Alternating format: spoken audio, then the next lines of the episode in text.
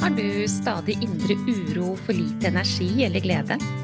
Ønsker du kartet for endring i dette? Hver episode er dedikert til å gi deg gullnøkler for livsglede og ro.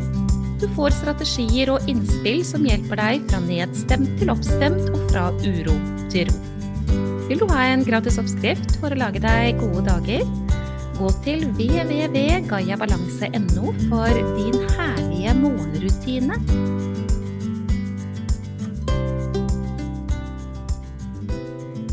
Denne episoden skal handle om eh, bekymringer. Rett og slett bekymringer. Og hvis du er en av de som tenker at 'jeg orker ikke mer av disse bekymringene mine', jeg kan jeg ikke bare slutte å bekymre meg? Jeg bekymrer meg og overtenker og holder det gående. Jeg orker ikke dette lenger. Så tror jeg at jeg har et og annet å lære deg. Og så har jeg veldig lyst til å gi deg tre kjempegode strategier for hva du kan gjøre med disse bekymringene dine, så du kan få noen pauser innimellom. For eh, det er sånn, kjære lytter, at det å ha en av-knapp for bekymringer, ja, det har verken du eller jeg. På mange måter så kan jeg vel si til deg gratulerer, du er et menneske!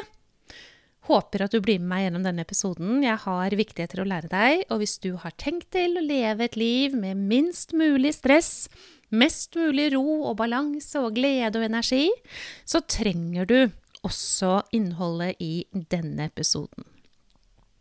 Aller først, hva er bekymringer? Kjenner du noen mennesker, eh, altså mennesker som du kjenner godt, da, eller som du snakker med av og til og lytter til hva de faktisk sier? Kjenner du noen som ikke har bekymringer? Eller er det ofte sånn at de sier at ja, men hvordan skal det gå, og så kommer det til å skje, og da blir det på den måten, og så kommer det til å bli på den måten, og hvordan kommer hun til å klare seg, og har jo ikke opplevd det før, og hvordan skal det gå, og hvis det blir på den måten, så kommer det til å være sånn, og da kommer det til å skje, og så kommer den til å bli lei seg, og så får man ikke til dette og hvordan i alle dager skal jeg klare å få det til, og regninger skal betales, og jeg aner ikke hvordan jeg skal holde dette gående. Det var bare noen eksempler. Jeg er sikker på at jeg kunne brukt av din tid i timevis på å ramse opp en mengde bekymringer. Men kjenner du noen som aldri eh, gir dette til uttrykk? Jeg eh, er ganske sikker på at hvis du ser litt nøyere etter, hvis du først nå bare har lyst til å si at jo, Monica, jeg kjenner noen som aldri bekymrer seg, så kan det være fordi du er ikke inne i deres hode, men at de har noen strategier for å ikke dvele ved sine bekymringer. Eller at de er så bevisste, har en så høy grad av bevissthet at ikke de lar det komme til uttrykk. Eller det kan også være en sannhet med modifikasjoner. Mennesker eh, som ikke har veldig mange bekymringer, og som velger å rette fokuset et annet, eh, et annet sted, jo, de finnes. Men i all hovedsak så er bekymringer en del av det å være et menneske. Som jeg sa det i stad, altså det er litt uh, egentlig veldig mye sannhet i at jeg kan gratulere deg med at du er et menneske, og at du på mange måter er nødt til å akseptere at dette med å ha bekymringer, jo, det er uh, en del av det hele. Hvis du har fulgt med på denne podkasten en stund, så har du lært et og annet. Det er jeg helt sikker på. Og jeg har ved gjentatte um, anledninger snakket om det bevisste og det ubevisste sinnet. Og i det ubevisste sinnet, ja, der ligger alt hva du har erfart i ditt liv. Og det er mye mer enn du egentlig kan ha en bevisst kontakt med, fordi sansene dine har tatt imot inntrykk gjennom livet ditt som du ikke engang har kontakt med. Og så kan det være noe du har opplevd, erfart, som ikke var noe veldig ålreit for deg. Det kan være noe som har gitt deg stor frykt. Det kan være noe som var veldig ubehagelig, som ga deg smerte på en eller annen måte. Og dette er heller ikke borte, fordi om du kanskje ikke i dag har så stor kontakt med det. Og de er igjen tilhørende mennesker. Vi har noen fantastiske mekanismer som gjør at vi kan fortrenge en del ting. Men det ubevisste sinnet selv om det ikke kommer til uttrykk fordi det er fortrengt, så ligger det fremdeles der. Så det jeg vil du skal vite, det er at bekymringer de kommer ikke ut av det blå. De kommer ut av eh, en del av vår personlighet. Noen mennesker er født mer eh, fulle av bekymringer, for å si det veldig enkelt. Og andre mennesker begynner å nære seg på bekymringene sine. Og så har du alle de menneskene som har diverse erfaringer som gjør at man har lært seg noen ting som igjen nærer dette som kan gå galt, da. Og hvordan skal det bli, og hva kommer til å skje da, og sånn. Men det er en fellesnevner her i forhold til bekymringer, og det er at når vi har disse seilene og gående oppe i toppetasjen vår, i tankene våre, og de kommer jo uten at vi inviterer dem inn, ikke sant, så har vi ikke i samme stund kontakt med våre egne ressurser. Det er akkurat som at vi glemmer at vi er fulle av mot og kraft og gjennomføringsevne og styrke og bevissthet og mulighet for å ta bevisste valg og håndtere på ulik måte. Vi har liksom ingen kontakt med det når det ubevisste sinnet driver og sender disse bekymringstankene til oss. Så vi kan ikke både ha bekymringer og kontakt med at vi kan håndtere samtidig. For hvis vi vet og har kontakt med sannheten da, om at vi kan håndtere, så trenger vi jo ikke å bekymre oss. Og så er det en viktig ting i forhold til dette med bekymringer til, som jeg har lyst til å nevne for deg. Og det er at uh, det negative sinnet vårt, som er da en del av det ubevisste sinnet, ja, det er også i større aktivitet når vi har mye stress gående. Så når du og jeg er fulle av belastning, vi eh, styrer på med både det andre og vi strekker oss i alle retninger, og vi føler vi ikke strekker til, og vi sover ikke godt om natta, vi har kanskje smerter hiten og ditten, og det er mye greier med oss, så er det en opprettholdelse av en stressrespons i den fysiologiske kroppen vår, som også påvirker sinnet vårt. Og i alt det der så øker også andelen bekymringer. Jeg vet ikke om du kan kjenne deg igjen i det, men det vil ganske mange kunne gjøre.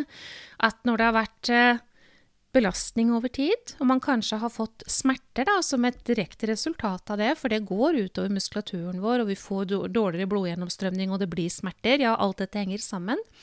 Men i det løpet der, når de har vedvart en stund, så kan det hende du opplever at du får eh, mindre tålmodighet, at du blir mer sinna, eh, blir mer frustrert, mer irritert f.eks. Og i tillegg til det så kan det være at du kan kjenne igjen at du blir mer bekymret. Så disse bekymringene våre Én ting er at de ligger latent i oss fordi vi er mennesker, men de er også koblet mot dette som har med stress å gjøre, og de blir mer hissige. Mer, det kommer liksom mer og flere og mer voldsomt hvis vi har mye negativt stress. Så egentlig er dette med andelen bekymringer også et uttrykk for at det finnes ubalanse mellom gassen og bremsen i nervesystemet. Dvs. Si ubalanse mellom gjøre og være, mellom uro og ro. Det har eh, på mange måter, sånn som jeg liker å både formidle det og se det selv, så har det blitt en, eh, et fjell, en, en, stor, tung sten på gasspedalen, hvilket da er stressaktiviteten. Og i det greiene der så øker også andelen bekymringer. Så ja, gratulerer, du er et menneske. Det å ha bekymringer er i høyeste grad normalitet. Men så kan det da også være at det er et symptom på at du har for mye negativt stress, og at du faktisk trenger å gjøre grep for å balansere dette. Men det finnes en sannhet til når det gjelder bekymringer, og det er at majoriteten av bekymringer er ingenting annet enn nettopp bekymringer. Ingenting annet. Det kan ikke bli en sannhet. Det er altså ytterst, ytterst ytterst, ytterst få bekymringer som faktisk er sanne, og som faktisk kommer til å inntreffe. Så hvis du er en av de som tror på dine bekymringer, så går du rundt og tror på skremselspropaganda.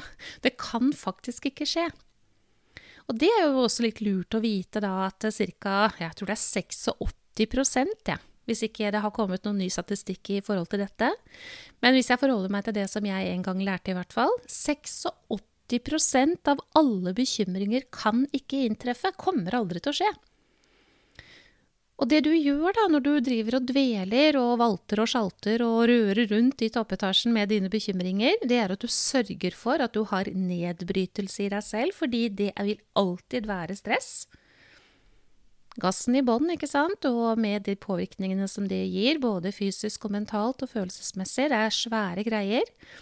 Og det er du villig til for noe som aldri kommer til å skje. Og så glemmer du da midt oppi alt dette her, det jeg sa innledningsvis, at du faktisk har ressurser til å kunne håndtere det som måtte skulle komme til å komme. Og det, det har ikke verken du eller jeg kontakt med når vi driver og styrer med bekymringene våre. Men helt til slutt, jeg lovet deg eh, tre tips, tre strategier i forhold til dette med bekymringer, og de skal du få. En mulighet du har, det er å stoppe opp og forestille deg at bekymringer, ja, de er som skyer på himmelen. Du kan gjerne tenke deg at du bare har lagt deg ned ute i naturen et sted, og så kikker du opp på himmelen.